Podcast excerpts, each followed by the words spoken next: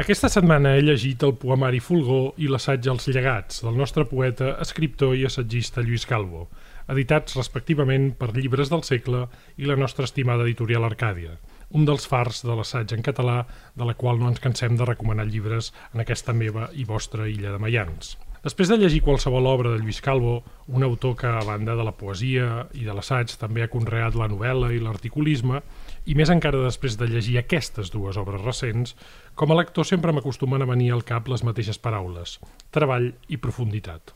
Calvo és un autor que, a poc a poc i amb bona lletra, allunyat dels fars mediàtics i de la mandanga literària catalana, ha anat teixint una obra que és magna per la seva ambició i que mai resulta menor tant en les preguntes que la fan brullar com en els mots amb què les respon.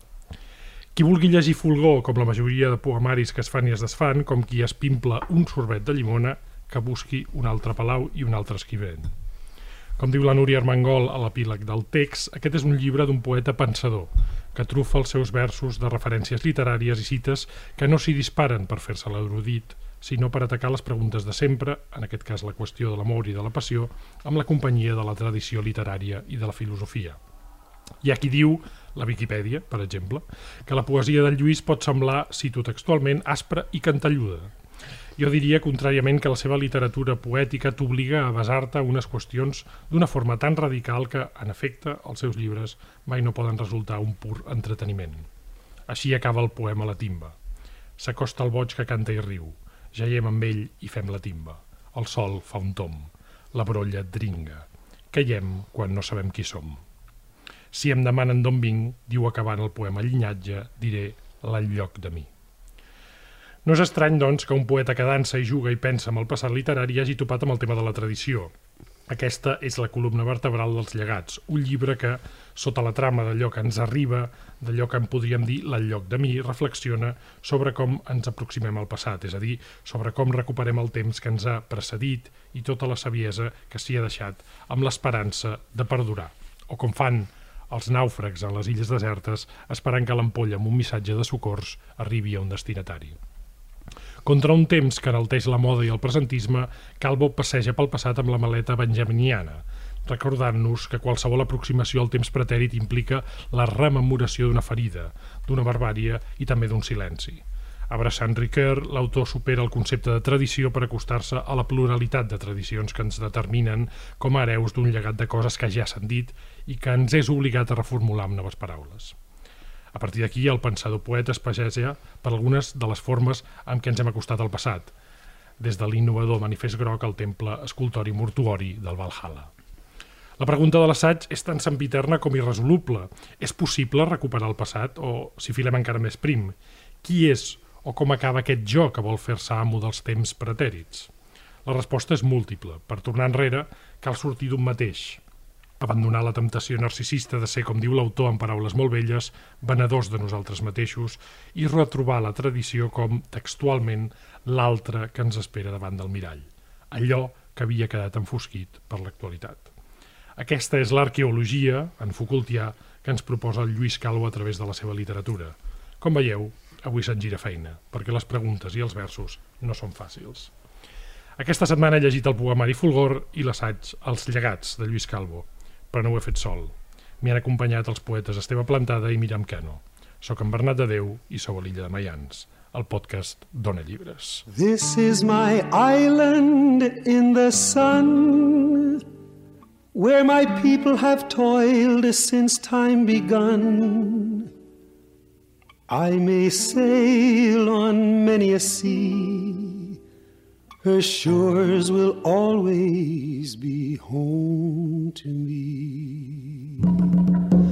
Oh, island in the sun, built to me by my father's hand. All my days I will sing in praise of your forest waters, your shining sun.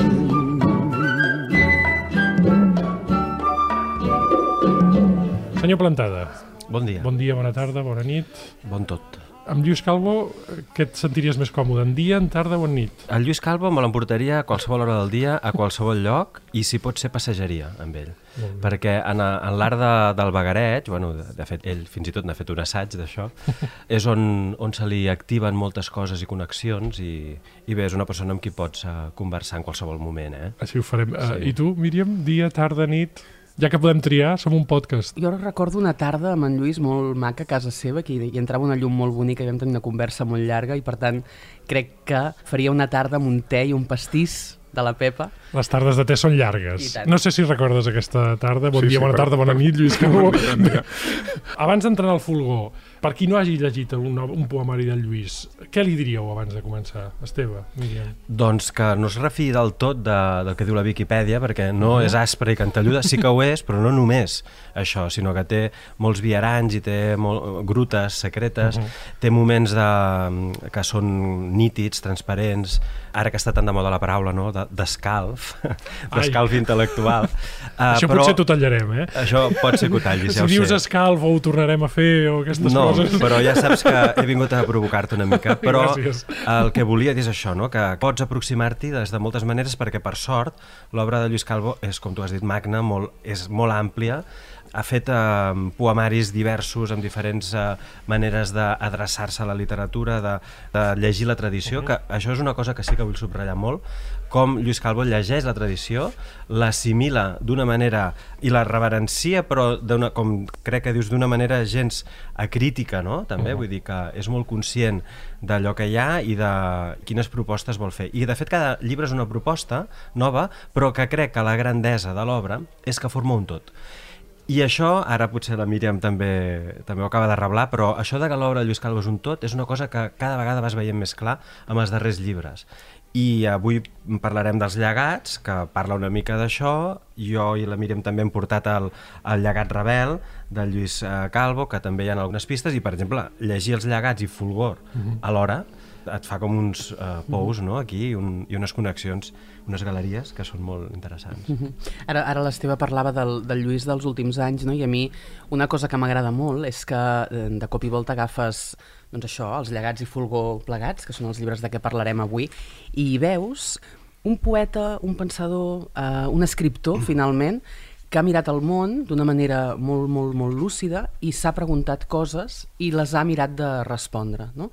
La, la seva manera de, de treballar, penso, és aquesta i, per tant, la seva- l'experiència poètica, si ens quedem només amb l'experiència poètica, sempre és la d'algú que es qüestiona coses i, per tant, tu no pots sortir-ne diferent intel·lectualment dels seus llibres. No? Hi ha una experiència estètica, que hi és, naturalment, però sobretot jo penso que per mi l'experiència, no només amb l'assaig, també amb la poesia, és una experiència intel·lectual, no? molt, molt, molt pensada. Hi ha una, una primera cosa, si vols, Lluís, anecdòtica d'aquest llibre que m'ha cridat l'atenció, eh, i començo pel final, i és que aquest és un llibre que s'ha escrit en molts indrets. Sí, I a més a més el cites, i és una cosa que m'ha semblat bastant particular, perquè en la majoria de llibres de narrativa acostumem a veure, jo què sé, s'acaba el llibre, diu Barcelona 1980, 1983, o en qualsevol cas Barcelona i un altre lloc, o Girona i un altre lloc, però és que deixa'm repassar els llocs on n'has escrit.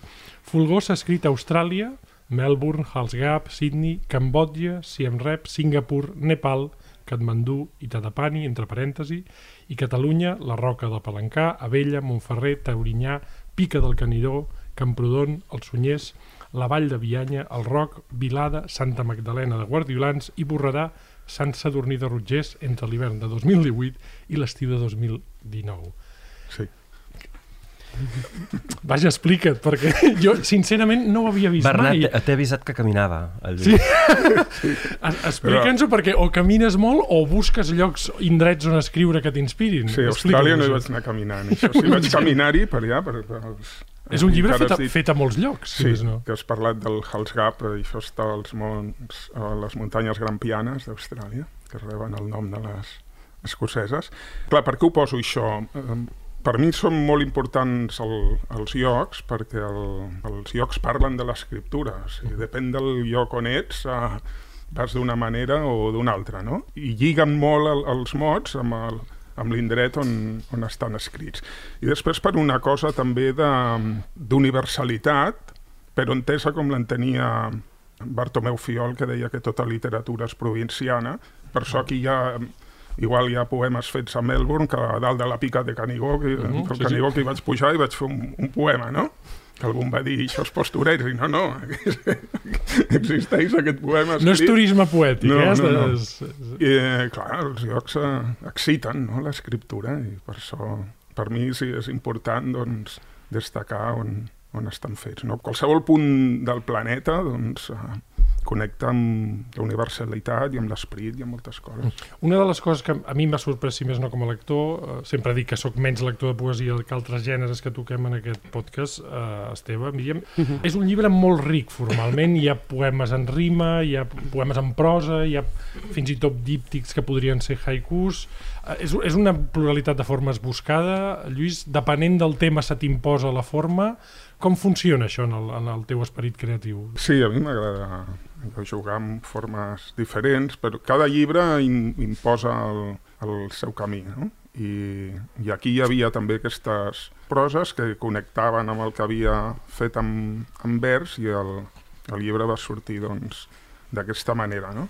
I a més a més amb la prosa poètica pots, pots expressar o fer una sèrie de ritmes, una sèrie de solucions formals que poden ampliar de vegades eh, el que diu el, el vers i, i viceversa, no? Mm. que van dialogant una forma amb una altra. Abans parlàvem d'un autor filòsof o d'un autor que es fa preguntes i jo diria que, això és per, per, també per qui no hagi llegit Calvo, jo diria que en els poemes hi ha preguntes sempre, oi?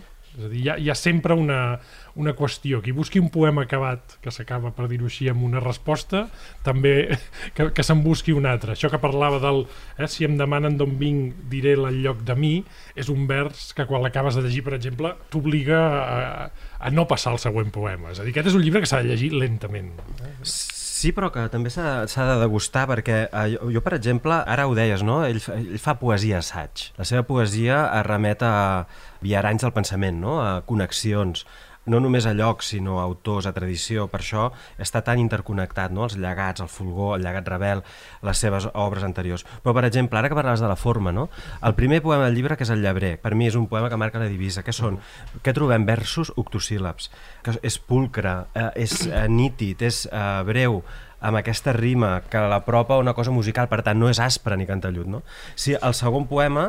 El és segon... que la Viquipèdia s'equivoca en moltes coses, eh? jo per això l'he citat, eh? sí, eh? per, esmenar, no, però... per esmenar. si algú vol esmenar la Viquipèdia, que és col·laborativa, que ho faci. Però vull dir que aquests poemes són nítids, són molt, per exemple, Ribatge, no? que és el següent, que és un poema amb decasíl·labs uh -huh. uh, perfectes, també amb rima, sí. i llavors ell va construint això, vull dir que uh, té un domini o un control de la forma que li permet doncs, fer aquestes coses, no? jugar molt amb les estructures, ser entenedor, ser transparent, a vegades ser molt obtús, a vegades fer prosa, i això ho integra molt bé, és una cosa que a mi em, em fascina molt. Jo destacaria sobretot això que deia l'Esteve, no? que són poemes nets, són poemes, diguem-ne, on s'hi ha passat el ribot i que a més a més d'alguna manera també aquesta forma que destacàvem també té a veure amb un diàleg constant amb la tradició. No? Parlàvem de la tradició com a forma de pensament, com a llegat intel·lectual, però penso també que la forma, en el cas de Lluís, també forma part d'aquest llegat, no? i a més a més encaixa amb el tema. No? Pensava, per exemple, en el poema Senyal, no?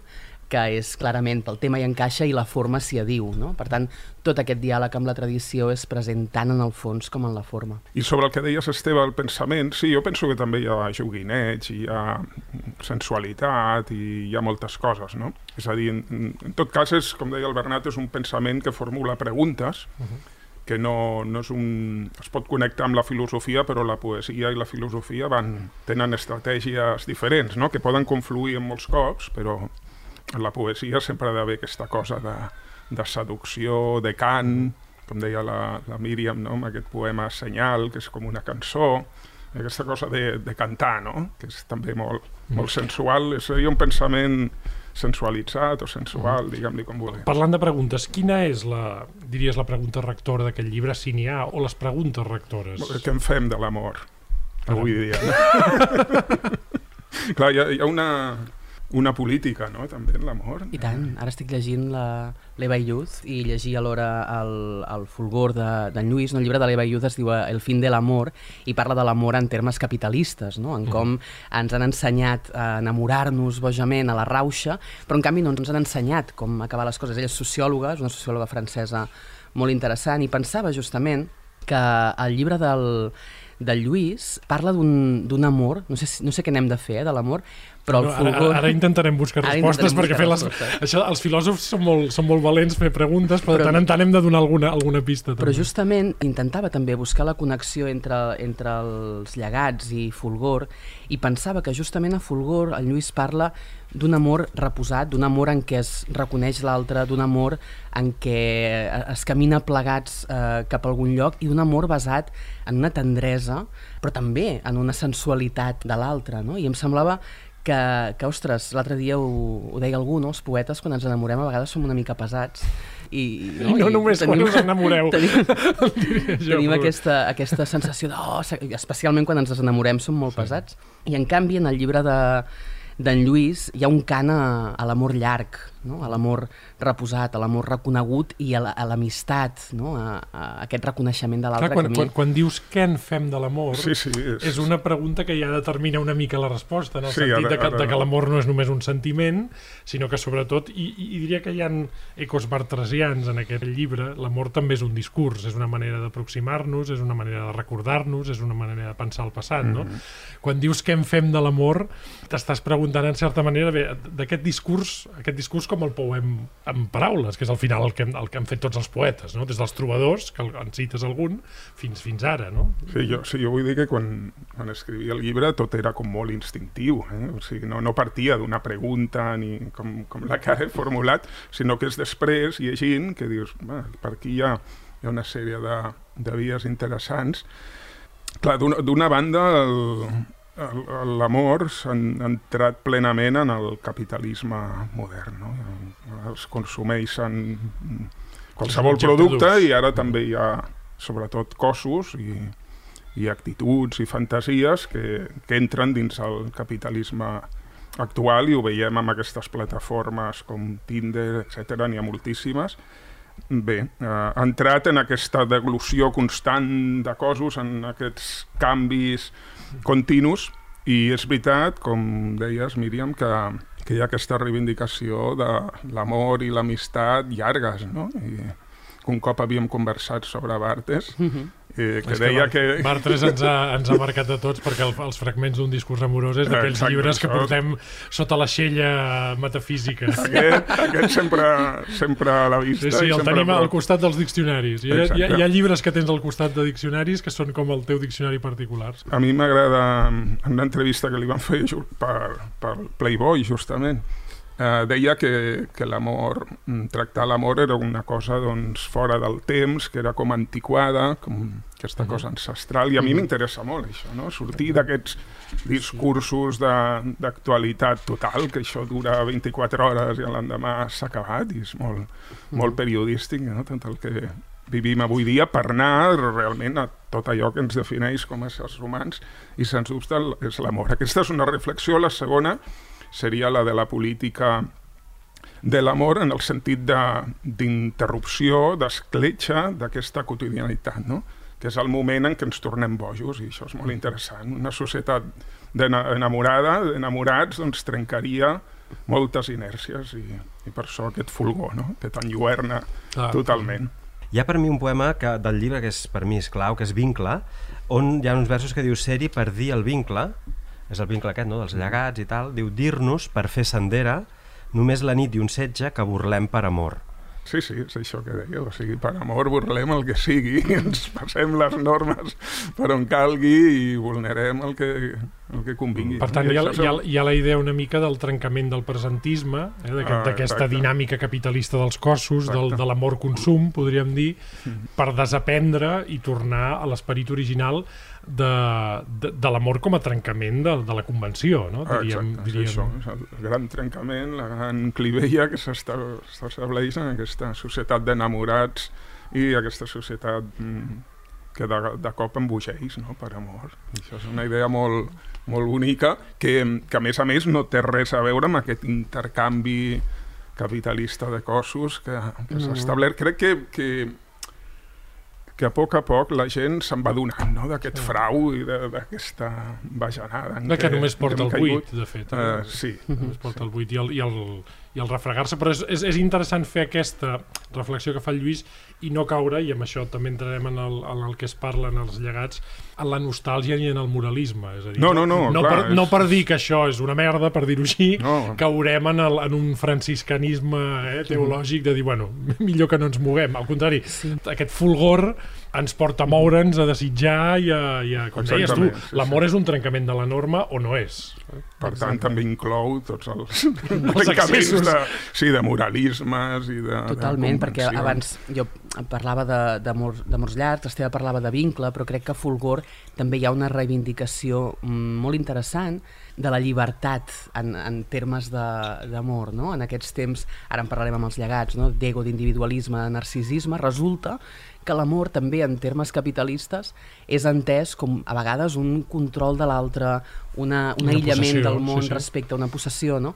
I en molts moments, no sé si mm, potser m'equivoco, eh, Lluís, però tinc la sensació que en alguns versos, no? la mà de l'estimada que em toqui se'n va, t'ho dic i me'n vaig, és a dir, sempre hi ha com un moment no? en què aquest amor fa la seva a nivell personal, però sempre torna al, al, al redós, al refugi, no? I Mhm. aquesta reivindicació de la llibertat en un poemari sobre l'amor em sembla molt, molt important. sense llibertat no pot haver amor. Està. Totalment. Sí, si no és una subjecció, tornaríem a formes de, de parella o de, de, dels matri, del que eren els matrimonis eh, tradicionals i a tot aquest avorriment absolut. No? Sí. I, i això connecta, eh, i ara entrem al, al, al tema de- de- d'aquest assaig tan bonic dels llegats. No podria sorprendre que un autor contemporani eh, toqués el tema de la tradició. I dic podria sorprendre perquè quan es toca el tema de la tradició, en general, Lluís es cau en aquesta cosa de la nostàlgia. No? Quan es parla de, de, dels pares fundadors, quan es parla del passat, i tu en parles al, al, al principi, es té la temptació d'escarnir només el present per buscar una nostàlgia d'uns temps que foren... Eh? El, el passat sempre for, El fos millor. Amb la- coses, i una, unes coses que tu cites perquè parles parles d'Eugeni d'Ors, per Sí. exemple, i parles de, parles de molts autors perquè els llibres, per qui no conegui la prosa assagística del, del Lluís, els, els llibres estan trufats de referències. El, els llegats comença també amb, amb una crítica al presentisme, no? aquesta idea de que, de que l'ara i aquí és un valor absolut quan tu una mica detectes, també a la benjaminiana, que l'ara és només una excusa, eh? que el presentisme, en certa manera, així com l'amor, està sent prostituït, eh? que els temps en els quals vivim no són, per dir-ho així, temps autèntics dels quals podem fruir. Vull dir, Benjamin està present... Vaja, jo, jo veig... em, em surt la motxilla benjaminiana o la maleta, més aviat, di- És que, em sortia. Està molt present vegades. perquè, de fet, és el dels primers que detecta de manera extraordinàriament lúcida que perdut l'encadenament amb el passat, no? Exacte. Després ve Hannah Arendt, que recupera aquest, una mica aquest discurs de Benjamin, però el, penso que un dels primers és, és Walter Benjamin, quan diu que el, els soldats que tornaven de la Primera Guerra Mundial eh, ho feien emmudits, no podien reflectir amb, amb cap paraula ni de cap manera la, lo, els horrors. I això és com una clivella molt gran que després la, la Hannah Arendt en, ens diu que els totalitarismes el, el que han fet és, és aquest trencament perquè ja no es pot expressar l'horror i perquè a més a més aquest horror ha, ha provocat una pèrdua de confiança en el passat, no? I a més a més això en els últims anys s'ha accelerat, no? Eh, Potser van haver... Totes les èpoques tenen, evidentment, les, les seves coses eh, terribles, però mm, d'un cert optimisme dels anys 50, dels anys 60, la veritat que ara mateix, i enmig d'aquesta epidèmia, doncs estem en un període doncs, com molt, molt fosc, no? I, i on, on domina aquest present i, i no podem... Sembla com, com que totes les coses bones del passat ens han quedat, ens queden molt lluny i tenim aquesta escletxa fenomenal. M'ho has posat en safata, Lluís, perquè has dit que hem perdut enc- l'encadenament amb el passat i, a més a més, vull parlar ara de Llegat Rebel, bueno, és un llibre que jo conec molt bé i que he llegit. I eh, editat, surt- i editat, i editat, i, i surt citat a, a, als llegats, no? Sí. I de fet, quan, quan has dit això d'hem perdut l'encadenament, jo, i quan llegia els llegats, pensava molt en el poema Entrellaçats de Llegat Rebel, perquè, eh, si em permeteu, us llegiré Sí, molt breument sí, uns versos, guaita. i Heu malgrat... triat el mateix, eh? Ja... Perquè és que és clau. Us hauré de separar més, eh, Esteve, Míriam. Però diu, i, i malgrat tot, sabem que aquestes aigües són les mateixes que plegats vam admirar antany. I després diu, Hi havia llavors entre els fets i els fenòmens un poema comú, farcit de llibres i cites i suors, de forces magnètiques i càrregues callades. I segueix, Recorda-ho, el desconcert d'Einstein vingué del lligam més imprevist, de les correlacions insospitades i dels nexes rars. I acabo amb un altre fragment, diu Nosaltres som com aquelles partícules que s'uniren en el passat i sempre restaran entrellaçades, mal que romanguin en punts ben allunyats i és com, ostres, el llegat rebel... Sí, sí, per mi aquest últim vers, i a més a més, jo fins i tot el següent vers, eh, i sé prou que l'amor no vol mesura ni mimesi, ni càlcul, ni més determini que la voluptat, ja em lliga els tres llibres, no? Em lliga el, el fulgor, els, els llegats i el llegat rebel. Però sí, sí, hem anat a buscar exactament el, el mateix poema, que sembla que sigui com una porta de... Un experiment quàntic, que les partícules són, són amoroses, encara que es separessin milions d'anys llum, tindrien un comportament correlatiu. No? Ah, parlàvem ara d'un antipresentisme, però també sí. fas una lectura crítica de com a vegades la cultura occidental ha volgut cosificar la memòria eh, i a mi m'interessa molt una part del llibre on fas un passeig per un indret que a mi em sembla eh, demencial com és el Valhalla del Ratisbona. El Valhalla és una paraula que als wagnerians els hi sonarà molt mm -hmm. i que tu fas, eh, vaja, de, descriu perquè crec que és una part molt bonica del llibre perquè és en si mateix un intent museístic o escultòric d'estratificar el passat per realçar-ne la glòria passada, no? Què, què és aquest el lloc tan curiós? Explica'ns-ho, perquè a mi em va sí, semblar extraordinari. Jo reconec que, que m'han entrat ganes d'anar-hi, perquè és una cosa... No ho coneixes. No ho conec i, i és que deu ser una cosa quasi com, quasi com tenebrosa, o sigui, fa, fa una mica de iuio, diria. Eh? Que... Eh, sí, alhora és, és un lloc com a monument molt bonic, sí, sí. Eh? i està en un, en un emplaçament absolutament fascinant. Ara, ara explico, l'assaig ja mm, apareixen dos llocs, a mi també m'agrada, igual que, que abans hem parlat dels topònims i dels indrets, doncs en els assaigs doncs, viatjar uh -huh. a determinats llocs. Aquí vaig a Alemanya, a Ratisbona, a Regensburg i a Melbourne, a, Austràlia. Doncs bé, el Valhalla és un edifici que el, el Lluís I de Baviera, que era l'avi del famós Lluís II el Boig, el fill de Maximilià, mhm. -huh. eh, se li va acudir d'erigir cap a l'any 1807 i eh, ell volia fer com un, un temple, un, un panteó, no? un panteó amb, amb escultures de les grans glòries teutòniques que anaven més enllà de, la, de les fronteres, diguem, estrictes de, dels estats alemanys i anava a tot el que irradiava la, la cultura germànica. El sacre imperi germànic, eh, sí, que es sí, deia, no? Sí, en temps sí. de Mozart. Això no, mira, no estava, no estava tan malament, no? Jo sempre dic que això i l'imperi austro-hongarès doncs són coses... A, són coses en lloc d'aquesta sí. Unió Europea que tenim tan cutre, hauríem de fer un imperi austro-hongarès no. català. I, Està i, difícil, jo crec que ho tenim difícil, però ja li, dona, ja li demanarem al Pere Aragonès si té ganes de... Bé, proseguim, proseguim, no, no parlem de coses lletges. Doncs, llavors, eh, el 1842 s'inaugura aquest edifici que imita el Partenó d'Atenes, en estil sí, dòric. Sí, té un fris, té un fris preciós. Tu el mires i dius, soc el Partenó, però un Partenó que mira el Danubi, un, queda a sota s'hi pot baixar fins a la riba, un paisatge fenomenal, i allà hi ha les grans glòries alemanes. Eh, trobem des de Mozart, Händel, Bach, Bruckner... Uh -huh. eh, tot, Goethe, no? Tot, suposo, tots, tots. Sí, sí, Goethe, els grans escriptors. Els tòtems, no? Els tòtems de, de la cultura alemana, tots hi són en allà. Fins i tot els que van criticar durament mm. el Valhalla com Heine, el 2010 li van fer el seu bust. I això, clar, això què, què ens indica, no?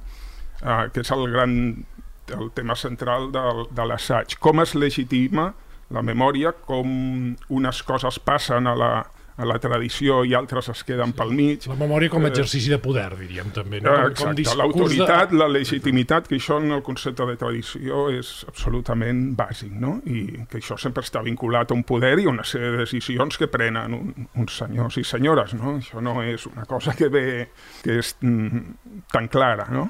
i ho veiem en el cas de Mozart, la, la mort que va tenir, i després, clar, té ja el seu gust, etc. De casos com aquest, doncs... A més m'agrada perquè hi ha una cosa d'aquest espai surrealista que és la precambra dels... Sí, perquè, clar, això, això és impressionant. Entren... Sí, això és, extra... el... Jo vaig trobar una la sala, cosa... La sala, de, la sala de l'espera de Halle de Exacte, a dir, els, els, que han, ah. els que encara no han mort i encara no poden ser glòries, encara perquè no han mort tenen una espècie d'avançala on de... estan allà en guaret, per Estan amb el seu bust esperant que morin, el, el bust, per poder-lo elevar al Valhalla, no? O sigui, imagina't tu, Bernat, que ting tinguessis la teva sala d'espera amb el teu bust i estem... Es... Allò... També Ara- podríem proposar a la llibreria Ona fer una espècie de, de, Val, de De Valhalla sala en de- aquesta sala des d'on de gravem. Digues, digues, Just que parlava d'això de, del Valhalla i que deies això, Lluís, de qui legitima el, el bust, no? diguéssim Mhm. així. Hi ha uh, un fragment uh, del llibre on dius el Valhalla és una mostra molt il·lustrativa del funcionament de la tradició al, al llarg dels segles, amb els seus processos acurats de selecció i d'incorporació, així com de rebuig de les heretgies. I aquí m'ha agradat molt el concepte, que és el, el de l'heretgia, és tot allò que no, que no entra. Dius, eh, dels discursos que surten del camí principal Ah. i dels personatges de trajectòria incòmoda o poc ortodoxa. El que no quadra clar, amb el Clar, relat, clar. no. Hi, ha, hi, ha, hi ha gent que dius com la fotem aquí dins. Clar, i aquí és el que dèieu ara, no? de la força política, del cànon, no? de, del, del bé, del mal, i m'ha agradat molt el concepte d'heretgia, no? dels heretges. No? Els... I la prova és que amb, amb, el, amb el temps es van incorporant doncs, eh, persones perseguides, per exemple, pel nazisme. Eh, O dones, fins i tot, parles de les, de les poques I dones, que sí, hi ha. perquè s'han incorporat eh, dones. Però heu de pensar, per exemple, que el, hi ha fotografies de Hitler davant del bus de, de Bruckner, que van, van entrar amb tota la parafernàlia eh, nazi en allà, que era una cosa així com molt grandiloquent, que el nazisme doncs, ja, li, ja li estava bé. No, no van ampliar, no van tocar-ho gaire durant el nazisme i després eh, s'han incorporat eh, bustos de persones perseguides pel, pel nazisme com l'Edith Stein, per exemple. No?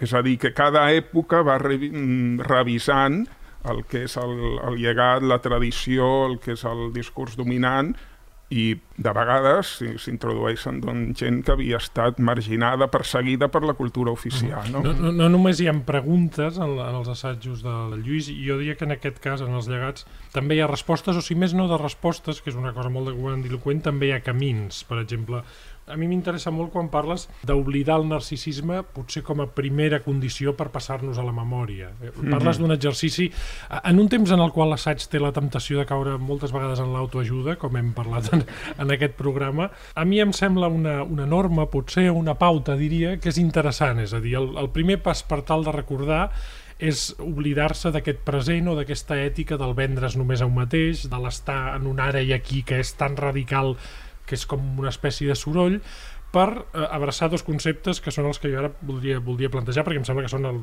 la segona part del llibre els més importants. Mm. No? Aquest abandó del narcisisme i aquesta Exacte. mirada a l'alteritat, jo trobo. No? Aquest, per, per mi són dos vigues mestres del teu assaig, oi? Sí, sí. Bueno, és que el darrer tram de, de l'assaig és això, per mi, Sí. és la idea aquesta del narcisisme, és una de les que més va incidint també en la reflexió sobre el present, no? I això efímer, no?, del l'efímer del present i de les coses que, que valorem, no? També parlaves del llegat del narcisisme postmodern, no? Que hi ha, més, hi ha un moment, em sembla, que dius que hi ha més enllà de mi no? I, de, eh, i no res, no? Vull dir, i aquí s'acaba, no? Sí, això hi ha, hi ha un moment també històric a partir del 79, que és el Christopher Lash, que parla de la cultura del narcisisme i detecta doncs, aquest mm, fenomen de mirar-se al malic contínuament, de viure només en el, en el present, això es vincula molt doncs, a la llegenda de, de Narcís, que ja Ovidi va cantar, també en, en parlo, no?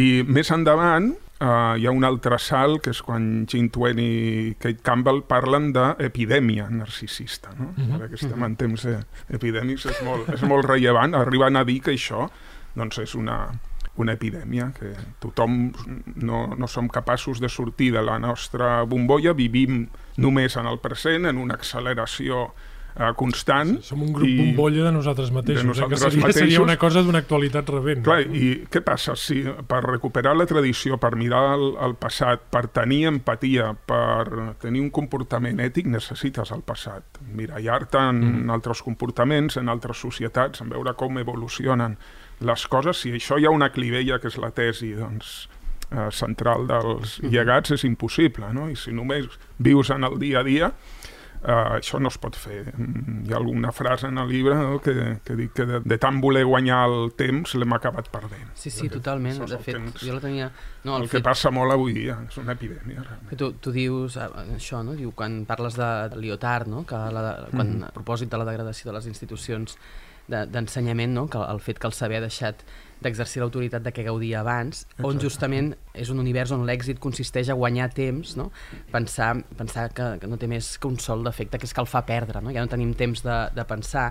I a propòsit d'això, també em semblava molt interessant, eh, ja cap al final del llibre, quan parles del canvi de paradigma i de les xarxes socials no? com, a, com a fòrum, sí. com, a, com a lloc d'exposar, de, de, no? i dius eh, una cosa que a mi em sembla molt interessant perquè ad, ad, admets no? que, que hi, ha una, hi ha alguna cosa aquí que encara no... no? A- Abans d'això dius miren cap al passat i, i cap al futur no? i dius les xarxes tenen aquest, aquest lloc de seducció horitzontal i fins a cert punt democràtica no? i alhora també són un dels factors que ha propiciat aquest narcisisme exacerbat de què parles. No? Llavors hi ha tota una contradicció amb el tema de, de l'exposició, del debat, del saber, no? com, a, a, com ara ja és impossible, di- dius tu, seguir els mateixos patrons acadèmics que, que se seguien Sí, abans. sí, és referent a la, a la crítica, no? Clar, Sí. La crítica ja no pot mm, seguir fent de, de Valhalla, no? D'estàtua, de dir, no, això ara li farem un, una estàtua en aquest autor, més encara quan tenim un,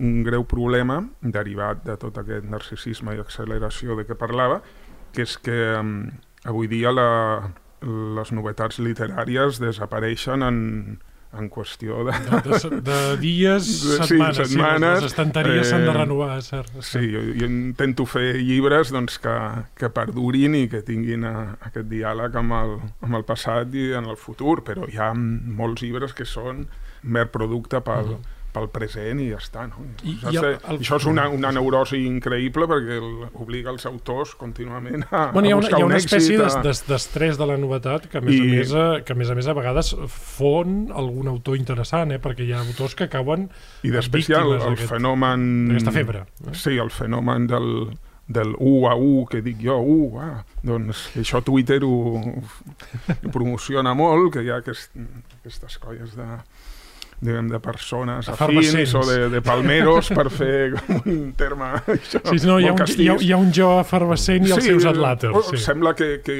determinada novetat doncs hem de córrer tots a la llibreria, després passen dos mesos i ja no se'n sap, no se'n canta ni, ni gall ni gallina d'allò, no? Doncs vivim, vivim en això. A mi m'interessava molt. Lluís, també cap al final del llibre, no? la conclusió que parles de les ànimes velles, no?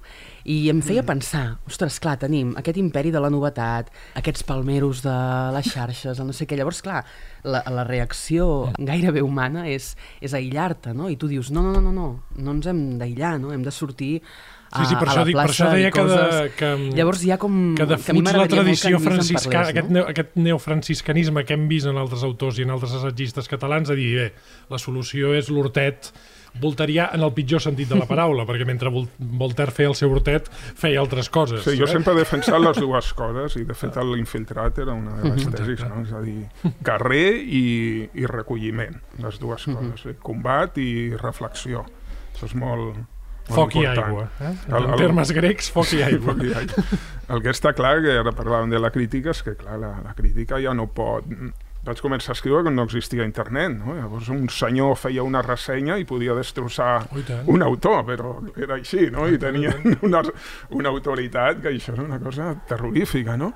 Eh, ara jo parlo de Film Affinity o Goodreads, eh, s'ha d'agafar amb pinces tot això, però és molt divertit perquè, clar, qualsevol pot, pot exposar Hem una passat, opinió. hem passat potser del Valhalla a Sí, una democratització de uh, sí, l'opinió de massa, tot. massa feliç. Sí. I per això és interessant tenir speed crític, no?, a l'hora d'entrar en aquestes plataformes per, per destriar una mica el, el gra de la Però aquestes palla. plataformes tenen una cosa bona que és la noció de comunitat. És a dir, abans un crític et destrossava i la Sí. teva obra era un zero. En Ah, canvi, a exacte. Film Affinity, per exemple, o Goodreads, és una mitjana i la, i la mitjana la fa la comunitat i dius, té un set i mig. Ah, doncs pot estar bé, no? Sí, I és- no, i- i, i, produeix, no, no, i i és- produeix coses com això que estem fent ara mateix, és a dir, que, que, I, que, i hi ha Lluís- opinions, hi ha Sí, sí. des d'opinions molt destraleres, opinions acadèmiques que podien estar Sí, sí. fent ressenyes en un gran diari, no? Hi ha, No, hi ha i- de tot. sí, sí. I això és- I permet que ara, per exemple, t'estiguis adreçant a gent que segurament no... No, No és aquella et opinió coneixia. única, Sí, sí, sí. eh? sí. Ah, exacte. I no hi ha un que- únic emissor. Ara que t'has posat una mica pop i que has citat el film Affinity, per exemple, sí. hi ha dos moments de, del llibre que m'han agradat especialment a, a nivell referencial. Un és quan parles de la pel·lícula Yesterday, del Danny Danny Boyle, sí. no? que a més a més ens porta una reflexió que és la, molt pertinent i que, i que la fas, no? Què passa si desapareixessin els nostres llegats o les nostres tradicions de cop i volta, no? Què, què seríem com a societat, no? Que està bé, Sí, sí, no? I a sí. més, per mi una pel·lícula fallida, però, que- Sí, totalment. però no té res. Sí, és, és fluixeta, però en canvi Sí, la, la, la idea. O sigui, el, el, La perspectiva el és tema de que eh, l'espurna de què parteix és increïble, Però dius no? una cosa molt interessant a propòsit de Yesterday, que és que al final qui importa no és tant l'obra en si, sinó qui la fa, no? A, a, a la pel·lícula, és de cop i volta aquest noi que agafa Mhm. els grans èxits dels Beatles i els, Sí. se'ls posa a interpretar, uh, és a dir, l'obra perdura perquè és, és bona, però diguem que tot de, de nou recau en... Clar, bé, som en- nosaltres qui, qui en estem jo, no? revifant Sí, sí. i Ah. ressuscitant els En- en- grans en- autors i... la- En aquest sentit hi ha, hi ha una I- i la idea molt tradició, interessant en un temps també de, de cursileria assagística levinesiana sobre l'altre i la mirada de l'altre. Jo crec que tu fas una reivindicació molt sana en aquest sentit, que és que el gran altre és la tradició, és a dir, tractes la tradició com un altre el- amb el qual dialogar. I a mi aquesta idea m'ha semblat, m'ha- semblat molt feliç, és a dir, Ara que deies, Esteve, un, un segon, Sí. sí. uh, això del, de la pel·lícula aquesta, uh, algú li pot semblar in, inversemblant que s'oblidin doncs, les cançons del, dels Beatles perquè més o menys eh, tots les tenim presents, però no, no sé si, si això es podria afirmar de les generacions més joves. I ara imaginem a veritables Beatles en el terreny literari, filosòfic, artístic, doncs que estan desapareixent, no? que ja no són referents del, del dia a dia. Sí, sí. Això em fa pensar en l'altra cosa que t'hauria de destacar, que m'ha fet molta gràcia, sinó lo de la trama zombi. No? Això és molt, és molt curiós, que de fet m'ha connectat molt amb el Botticelli Jo sóc zombi. molt de zombis, eh? molt. Sí, sí, sí. O sigui, he vist Però tot The ha un- Walking Dead i... Hi ha un poema a Fulgor que és el Botticelli zombi, exacte, i que exacte. aquí hi ha, clar, aquesta cosa, Un no? poema en prosa, no? Dels, dels... De fet, hi ha una Sí, sí. cita aquí a, als llegats del, del Norman Reedus, que és el, un dels personatges de, centrals de The Walking Dead, que diu ja no hi ha cap nosaltres, tothom s'ha dispersat. No? És el, el Daryl Dixon, gran, gran home. Com veieu, l'obra del Lluís està trufada de referències, però hem volgut fer aquest programa justament i democratitzar-lo a les xarxes perquè molta gent que s'acosti a aquests dos llibres doncs, pugui tenir tenir més claus. Se'ns ha acabat el temps, Lluís, però jo crec que hem, que hem, vaja, que hem pogut eh, esbrossar les idees d'aquests dos llibres que, com us deia, val la pena llegir perquè, perquè els fa un autor que està, que està currant molt i que es fa preguntes adequades. L'Esteve m'està mirant com dient he de dir una cosa Sí, perquè si que- no moro... És que s'està acabant el temps i, i, i hi ha, hi ha passatges allò que és un llibre per subratllar, mm òbviament, Sí, sí. però hi ha un punt, i ara eh, marxem una mica no, del, dels llegats i parlem de- d'això, no, de, de la Catalunya. No? Diu, de vegades es tracta de ments brillants que se sotmeten a un estrany dictat social marcat per una barreja de discreció, droperia i por de no destacar en excés. Cal dir sí. que a Catalunya aquesta manera de captenir-se ha creat escola. Oh. Clar, home, aquí és un, és un país que es, pre, es premia el dropo, o sigui, és el- l'Armand Ubiols és l'Orió, és el, diguem que és l'heroi, i, i Bartra, doncs, és mal llegit i mal interpretat i no prou valorat. I, Sí, el, lli- el, així llist, anem el, com a... el llistó baix és un dels nostres Clar, grans problemes, per sí. això quan has dit... aqu aquesta droperia fa d'artista, no, això fa No. de, sempre de dropo. Escolti, Per això quan has dit que, escrigui, que, no? per això quan has dit que a veure si tenim un imperi austro-húngar en llengua catalana ho he vist fotut, però escolta, que, vaja, que, que Lluís Felip de Baviera t'escolti des, de, des del Valhalla i el, i el puguem fer. Uh, suposo que fas les coses a foc lent i estàs fent coses que d'aquí una mica llegirem. Sí, sí. Quan passi aquesta mica o aquesta micassa, ja saps on tens casa teva. De veritat, ens has fet molt Moltíssimes feliç venir. gràcies.